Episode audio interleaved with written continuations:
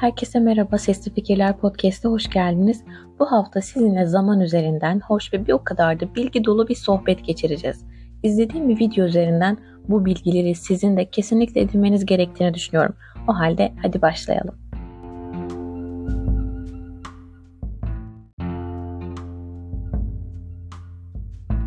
Eski Perslerde yani şimdiki İran bölgesinde zamana tanrı olarak tapınılan bir din vardı. Zurbanizm her şeyin üstünde en yüce güce sahip olduğu inancı hakimdi.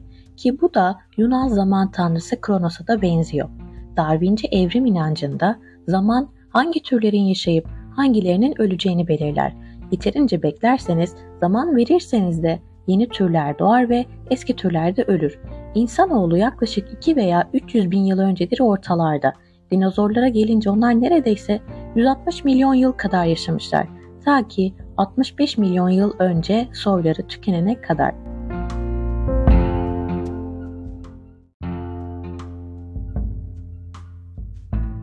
Einstein, izafiyet teorisinde uzay zaman fikrini ortaya çıkardı. Hatta öyle ki günlük konuşmalarımızda bile zamanın her şeye ilaç olduğundan dem vuruyoruz.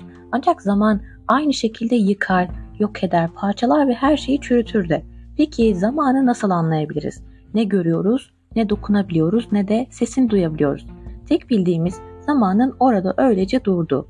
Şimdi videoda da verilen bir örneği açıklamak istiyorum. Ayakkabıcı ve Küçük Cinler adlı çocuk hikaye kitabında ayakkabıcı yatağa gittiğinde küçük cinler ortaya çıkıp bütün ayakkabıları bitiriyorlardı, tamamlıyorlardı. Ayakkabıcı bitmiş ayakkabıları görüyor ancak kimin yaptığına dair hiçbir şey bilmiyordu.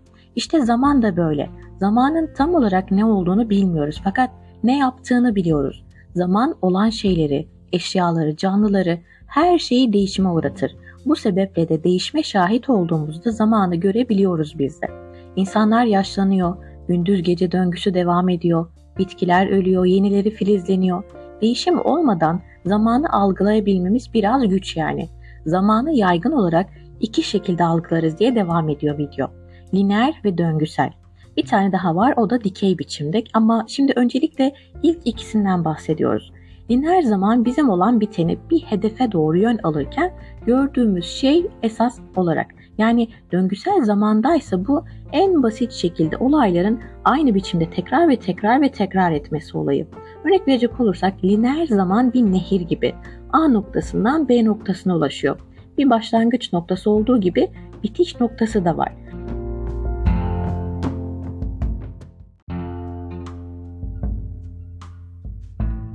Öte yandan döngüsel zamansa şu şekilde işler.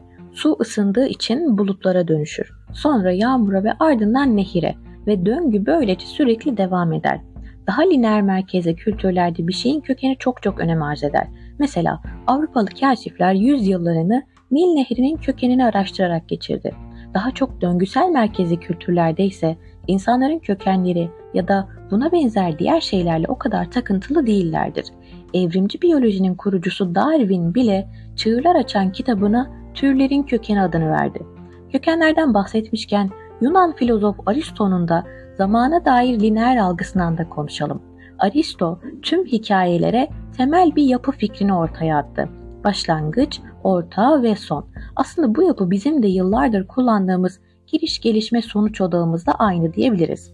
Günümüzde ise bu üç aşamalı yapı tüm hikayelere uyarlanıyor. Hollywood filmlerinden tutun da kurgu edebiyata kadar her yerde. İlk sahne başlangıç, ikinci sahne çatışma ya da gelişme ve üçüncü sahnede çözüm ya da son. Bu durum yaşamın da taklidi aslında nasıl mı? Doğum, yaşam ve ölüm. Çok tanıdık. İşte bu yapı zaman kavramına dair en temel şeydir diyor videoda. Lineer zaman algısı bilimde kendi kendine yer aldı orada var oldu. Fizikçilerin evrendeki tüm madde ve enerjinin düzensizlik ve tesirsizliğe eğilimi yani entropi olarak da addettikleri zaman oku, termodinamiklerin ikinci yasası şu. Zaman geçtikçe her şey çürür ya da düzensiz hale gelir. Özünde Aristo'nun da felsefi bakış açısı bazen teleolojik olmakla ilişkilendirilir bazen. Peki nedir bu? Her şeyin bir amacı olduğunu söyler bize. Erek bilim de denir o sebeple. Bizim meslekte yani çeviri sektöründe çeviri terimlerinde en sık kullandığımız da budur. Erek dil, erek çeviri gibi gibi. Yani hedef, amaç. Podcastlerimin amacı nedir? İnsanlara bilgi vermek ya da onları neşelendirmek. Bir bilgisayar amacı nedir? İnsanların hayatını kolaylaştırmak. Peki bir telefonun amacı nedir? Birilerine erişim sağlamak. Kalemin amacı peki yazı yazmak gibi çoğaltabiliriz örnekleri. Eğer diyor yaşamın amacına inanırsanız bir miras olarak hayatınızın sonuna geldiğinizde bir şeyleri elde etmeniz gerektiğini hissedersiniz. Çocuklarınızın olması biyolojik bir mirastır. Böylece genlerinizin yaşamaya devam etmesini sürdürebilirsiniz. Sanatçılar, müzisyenler, yazarlarsa sanatsal bir miras peşindedir. Bazı insanlar bir şirket, bir bina ya da bir hayır bırakır miras olarak kendilerinden geriye. Günümüze kadar ulaşan en eski destan Gılgamış'ın ölümlü olmaya cevabı mirası olarak muhteşem bir şehir inşa etmekti. Lineer zaman algısı modern bilimde de görülebilir. Evren tek bir noktadan başladı, var oldu ya da büyük patlamayla. En azından Batı bilimi böyle açıklıyor en azından kendi fikirlerince. Ve o zamandan beri de evren genişleniyor diyor. Bilimsel bir açıklama dahi lineer bir bilgi birikimi yaklaşımına dayanıyor. Bilimin amacı mutlak bilgiyi, gerçeği ya da her şeyi açıklayan en üst teoriyi bulmak üzerinedir. En iyi bilim insanları çoğunlukla her şeyi tek bir teoriyle açıklama girişiminde bulunurlar. Newton'un yer çekimi kanunu, Einstein'ın izafiyet teorisi ve daha niceleri.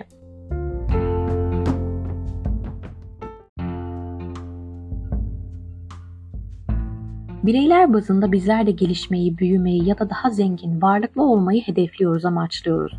Daha fazla takipçim olsun, daha fazla abonem olsun, daha fazla arkadaşım olsun gibi fikirler modern hedeflerin arasına çoktan girdi bile. Ta ki tamamen memnun olana kadar, tamamen tatmin hissedene kadar ya da en muazzam şekilde mutlu olana kadar. Pekala şimdi bakalım döngüsel zaman kavramına. Döngüsel zamanda yaşam bir döngüdür. Bir insan olarak doğarsın, sonra toza dönüşürsün ve sonra başka bir şeye dönüşürsün ve döngü böylece devam eder. Döngüsel zamana verilebilecek en güzel örnek Budizm ve Hinduizm inançlarındaki reenkarnasyon kavramı olabilir. Samsara adı verilir bu kavrama ve doğum, yaşam ve ölüm döngüsünde sıkışıp kalmak anlamına gelir. Bu döngü sonsuza dek devam eder ta ki moksha ya da nirvana evresine ulaşana dek. Bu da döngüden çıkmak anlamına geliyor.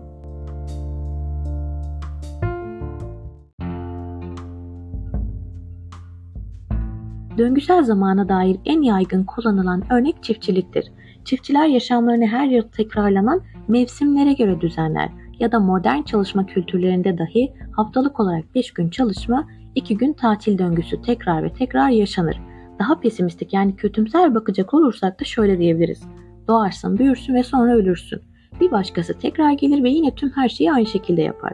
Yaşam devam eder, canlılık yine devam eder.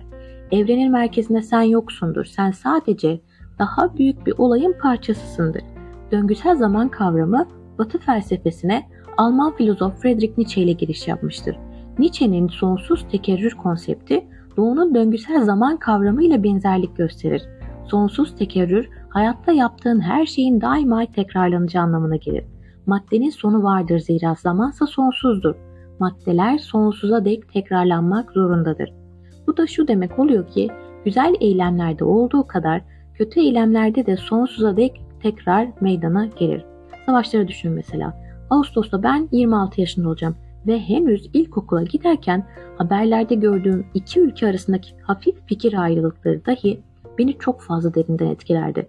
Bırakın savaş kelimesine tartışmaları bile bana korku kaynağı olabiliyordu. Şimdi ise dünyamızın her bir coğrafyası neredeyse savaş altında ve bu da yeni normalimiz oldu bile.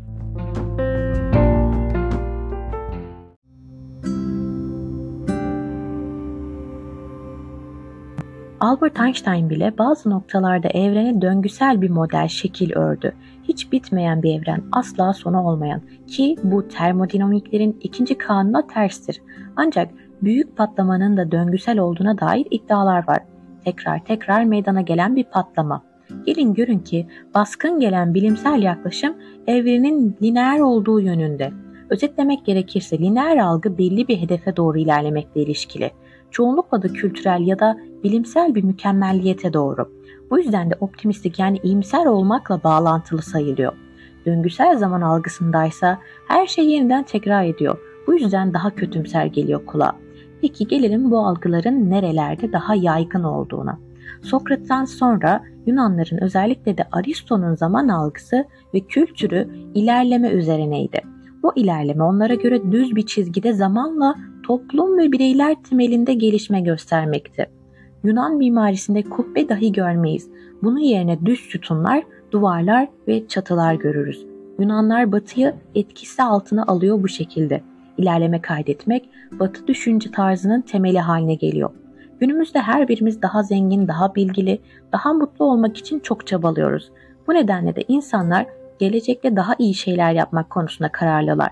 Son zamanlarda film izliyorsanız karakterlere yapılan en yaygın eleştiri yaşamlarının berbat olduğu ve bu yüzden de daha iyi ya da daha mutlu olamadıklarını üzerine diyor videoda da. Toplum olarak bireylerin daha iyi, daha fit, daha güzel olmasını talep ediyoruz. Lineer bir toplum kültüründe büyümeye, gelişmeye çok fazla değer biçiliyor. Örnek verecek olursak, çevremize duyduğumuz endişelere ve tüketiciliğin olumsuz yanlarına rağmen herkes ekonomik büyümeyi olumlu karşılıyor. Aynı zamanda inovasyon, yenilik, teknoloji hayatımızı geliştiriyor ancak bizi bağımlı da yapıyor, obezite toplum oranını da artırıyor ve tembelleştiriyor da.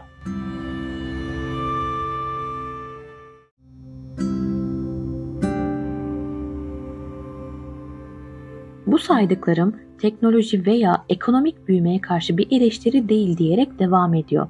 Yalnızca algının herhangi bir şeyin değerini nasıl da değiştirdiğini göstermek amaç. Eğer ekonomik büyümenin gerçekten iyi bir kavram olduğuna inanıyorsanız olumsuzluklara odaklanmaya pek de meyil göstermezsiniz. Mesela ormanların tahrip edilmesi gibi. Batı aynı zamanda Yahudilik ve Hristiyanlık gibi Orta Doğu dinlerinden de etkilendi. Her ikisi de daha lineer bir zaman algısına yatkındır. Her iki dine göre insanlar cennet bahçesinden kovuldu ve dünyaya gönderildi ki burası onlara göre cennete veya cehenneme gitmeden önce geçici bir yeri temsil ediyor. Sonuç olarak da dini olarak insanlar doğanın bir parçası değil, hayvanlar aleminin de bir parçası değil. Ancak geçici bir sığınak olarak dünyaya gönderilen özel bir yaratık. Bu sebeple de insanların vahşi doğayı evcilleştirmesi, dağınıklığı toplaması ve başa çıkılmaz doğayı kontrol etmesi gerekiyor. Bu durum ilerleme fikrini bir sonraki seviyeye taşıdı ki bu da Batı'nın daha yeni teknoloji ve bilim geliştirmeye odaklanmasını gerektiriyordu. Böylece daha iyi ve yaşanabilir bir doğa oluşturulacaktı ya da yeni bir cennet bahçesini dünyada kuracaklardı.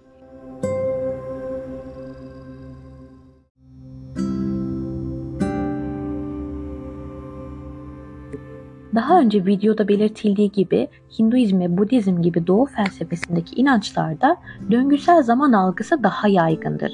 Reenkarnasyon fikriyle de ölüm bir son değil, yalnızca farklı bir yaşamın başlangıcıdır. Ya bir hayvan olarak ya bir nesne olarak döngü devamlı kılınmış olunur. Yani Doğu felsefesi büyüme ve ilerlemeye daha az vurgu yapar. Bugün dünden ya da 10 yıl önceden daha iyi değildir. Böylece odak noktası daha çok şimdi ve buradadır daha iyi bir gelecekte değil. Sonuç olarak ilerleme temelli bir toplumda gözümüze çarpan rekabetçi bir çevre oluşturma baskısı nispeten daha azdır. Dünyayı değiştirmek veya doğayı çok fazla manipüle etmenize yönelik daha az taleple karşılaşırsınız. Bireysel pencereden bakıldığında da kendinizi geliştirmeniz, daha iyi olmanız ya da daha da zengin olmanız için daha az psikolojik bir baskı söz konusudur. Batı'da uç bir örnek vereceksek şunu söyleyebiliriz kazanamazsan kaybedersin. Hindistan felsefesinde ise insanlar doğadan gelir, doğanın bir parçasıdır. Doğaya karşı üstün değildir. Bu yüzden de insanlar hayvanlarla eş tutulur ve hatta bazen insanların da üstünde tutulur hayvanlar. Bir başka örnekse batıdaki monoteizmin aksine yani tek tanrılı inançların karşısında olarak Budistler ve Hinduların tek bir tanrısı yoktur ya da hedefledikleri bir cennet de yoktur. Tek tanrı fikri lineer zaman algısıyla daha uyumludur. Çünkü mükemmele varır. Politeist yani çok tanrılı kültürlerde ise tanrılar ve cennetler her yerde ve tüm yönlerdedir. Taocu Yin Yang'deki gibi insanlar içlerinde hem kötü hem de iyiyi, hem karanlığı hem de aydınlığı taşırlar. Döngüsel zaman algısı İslami sufilerde tasavvufta da görülür. Örneğin zaman geçtikçe daha fazla döngü gelip gider ve hakikate daha çok yaklaşırsın. Yani her bir döngü bir öncekine göre bir gelişme demektir. Bir tür döngüsel, spiral yükseliş gibi. Özetlemek gerekirse lineer zaman algısı daha çok insan merkezli, kendilik merkezli bir yaklaşımdır. Sen önemlisindir. Kumanda senin elindedir ve bireyciliği ön plana çıkarır. Döngüsel zaman algısındaysa doğa ve çevre önemlidir. Bu yüzden de daha çok toplumcudur. İnsanları, hayvanları, bitkileri, taşı, kayayı ve her şeyi içinde besler. Lineer kültürde doğa senin faydana olsun diye onu kontrol etmek senin görevinken döngüsel zamanda sen doğanın bir parçası olduğun için sen ayak uydurursun. O yüzden değişikliğe daha az yatkınlık vardır. Bunun yerine sen kendini değiştirirsin. Geleneksel olarak da Batı kültürü daha maskülen bir yapıdadır. Avlayıcı, toplayıcı bir mantığı vardır ki burada risk alma eylemi de kaçınılmaz hale gelir.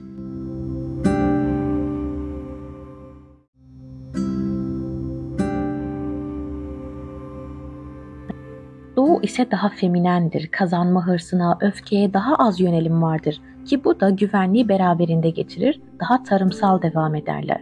Tabi tüm bunlar birer genelleştirme. Ancak Hindistan toplumunun beslenme düzenindeki vejeteryan olma durumu da kimseyi şaşırtmamalı. Budistlere göre herkes acı çeker. Zengin de olsan, yoksul da olsan acı çekersin ve bu acıyı dindirmek için de nesnelere ya da herhangi bir şeye bağımlı olmamalıdır insan. Çünkü sahip olduğun şeyler sana memnuniyet verir, haz verir.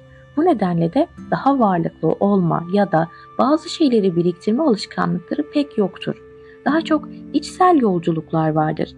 Hinduizm'de de birçok kadın tanrıça vardır. Biyolojik olarak da bir kadın vücudu her ay bir döngü içindedir. Yani kadınlar da aslında döngüsel bir yaşam sürdürür. Lineer bir kültürde A noktasından B noktasına varmak zorundasın ve B noktasına ulaşmak için de hangi yollardan gittiğinin ya da hangi araçları kullandığının da pek önemi yoktur. Her şey mübahtır. Döngüsel bir kültürde toplum kurallarına, ritüellere çok fazla vurgu yapıldığını görürüz. Japonya'da mesela herhangi bir şeyin yapım aşaması aldığınız çıktı, elde ettiğiniz çıktı kadar önem arz eder. Hem süreç hem de sonuç insanı olmak önemlidir.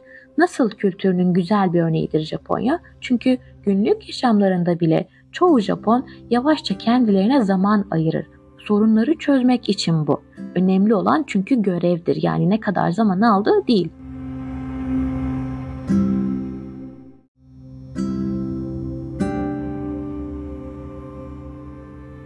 Ama tabii ki de modern yaşamla beraber zaman oldukça hızlı ve bir o kadar da önemli bir hal aldı. Dakiklik bir tür din diyor videoda da. Bu da çok hoşuma gitti benim de. Batı edebiyatında kahramanlar yanlışı düzeltir. İsa örneğin kendisini insanlığın ve dünyanın iyiliği için kurban eder. Hristiyanlar böyle inanır en azından. İslam'da ise İsa göğe yükselmiştir. Bu da ise kendini değiştirmeye adamıştır ve şehri terk edip yalnızlığa kapanmıştır. Bu yüzden de kiliseler şehir merkezlerinde insanları bir araya toplar. Tek nokta, tek lokasyon, tek tanrı. Budist tapınakları ise ormanlarda, dağlarda, kalabalıklardan uzakta inşa edilir. Günümüzde ise her ikisi de bir şekilde etkileşim halindedir. Doğu, Batı'nın endüstriyel yaklaşımına adaptasyon sağlamış ve aldıkları, elde ettikleri çıktıya odaklanmışlardır.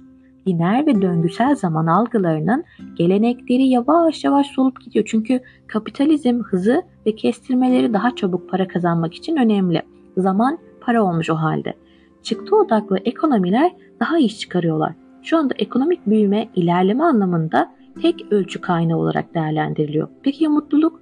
Yalnızca Buton krallığında ekonomiden önce mutluluk başı çekiyor.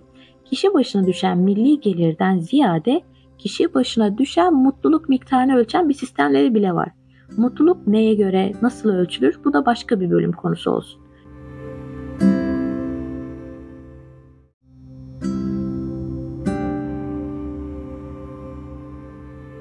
Zaman algısı hem yaşadığınız yere hem de iklime göre değişebilir. Daha soğuk iklimlerde insanlar soğuktan kaçınmak için bir şeyleri başarmaya alışkınlar çünkü. Ne gibi? Ateş için odun toplamak, sığınmak için barınak yapmak, yemek için yiyecek toplamak gibi. Daha ılık sıcak iklimlerde ise böyle bir aceleye gerek yok çünkü kışlar o kadar da soğuk değil. Bu yüzden zaman aile ve arkadaşlarla geçirilebilir. İnsanlar daha yavaş yaşar. Tropiklerde barınaksız da hayatta kalmak mümkündür ancak İskandinavya'da bu pek de olası değildir. Kapitalizmin Kuzey Avrupa'da daha soğuk ülkelerde köklenmesi pek de şaşırtmıyor insanı sanki. Hırs ve azim ve çalışma hali sürekli tetikleniyor çünkü. Pekala geldik şimdi zamana bir de dikey açıdan bakmaya. Fransız filozof Henry Bergson iç zaman kavramını öne çıkarıyor. Bilimde zaman her daim uzay ve uzaklıkla ilintilenmiş. Dünyanın güneş etrafında bir tur dönmesi bir yıl. Dünyanın kendi ekseninde bir tur dönmesi bir gün gibi. Yani bilim uzay olmadan zamanı ölçemez. Henry Bergson da diyor ki bu kurguyu tamamlamak için bilimsel kavramlar tek ölçüt olamaz öyle değildir. En azından insanların zamanı yaşama biçimlerini çokça açıklayamaz diyor. Bu sebeple de süre anlamında iç zamanı sunuyor bizlere. Bunu anlamak için bilimin zamanı nasıl açıkladığına bir bakalım önce. Bilim insanları zamanı birimlerle ölçer. Saniye, dakika, saat, gün, yıl ve böylece devam ediyor. Örneğin bugünün bir saniyesiyle dünün bir saniyesi ya da geleceğin bir saniyesi arasında hiçbir fark yoktur. Sabittir yani. Fakat Bergson insanlara göre zamanın hızlanıp yavaşlayabildiğini öne sürüyor ki burada herkes hak verecektir diye düşünüyorum. Bazen günler akmazken, keyif aldığımız şeyleri yaparken ya da sevdiklerimizle zaman geçirirken fark etmiyoruz zamanın geçtiğini. Yani bir geçen saniye ile gelecekteki bir saniye asla birbirinin aynısı ikizi değildir.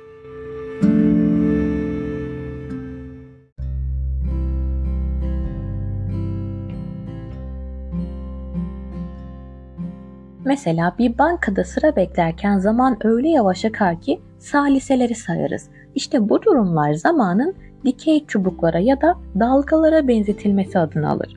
Dümdüz bir çizgiden daha çok roller coaster gibi diyor videoda da bize. Biraz da şu örnekle açıklayalım.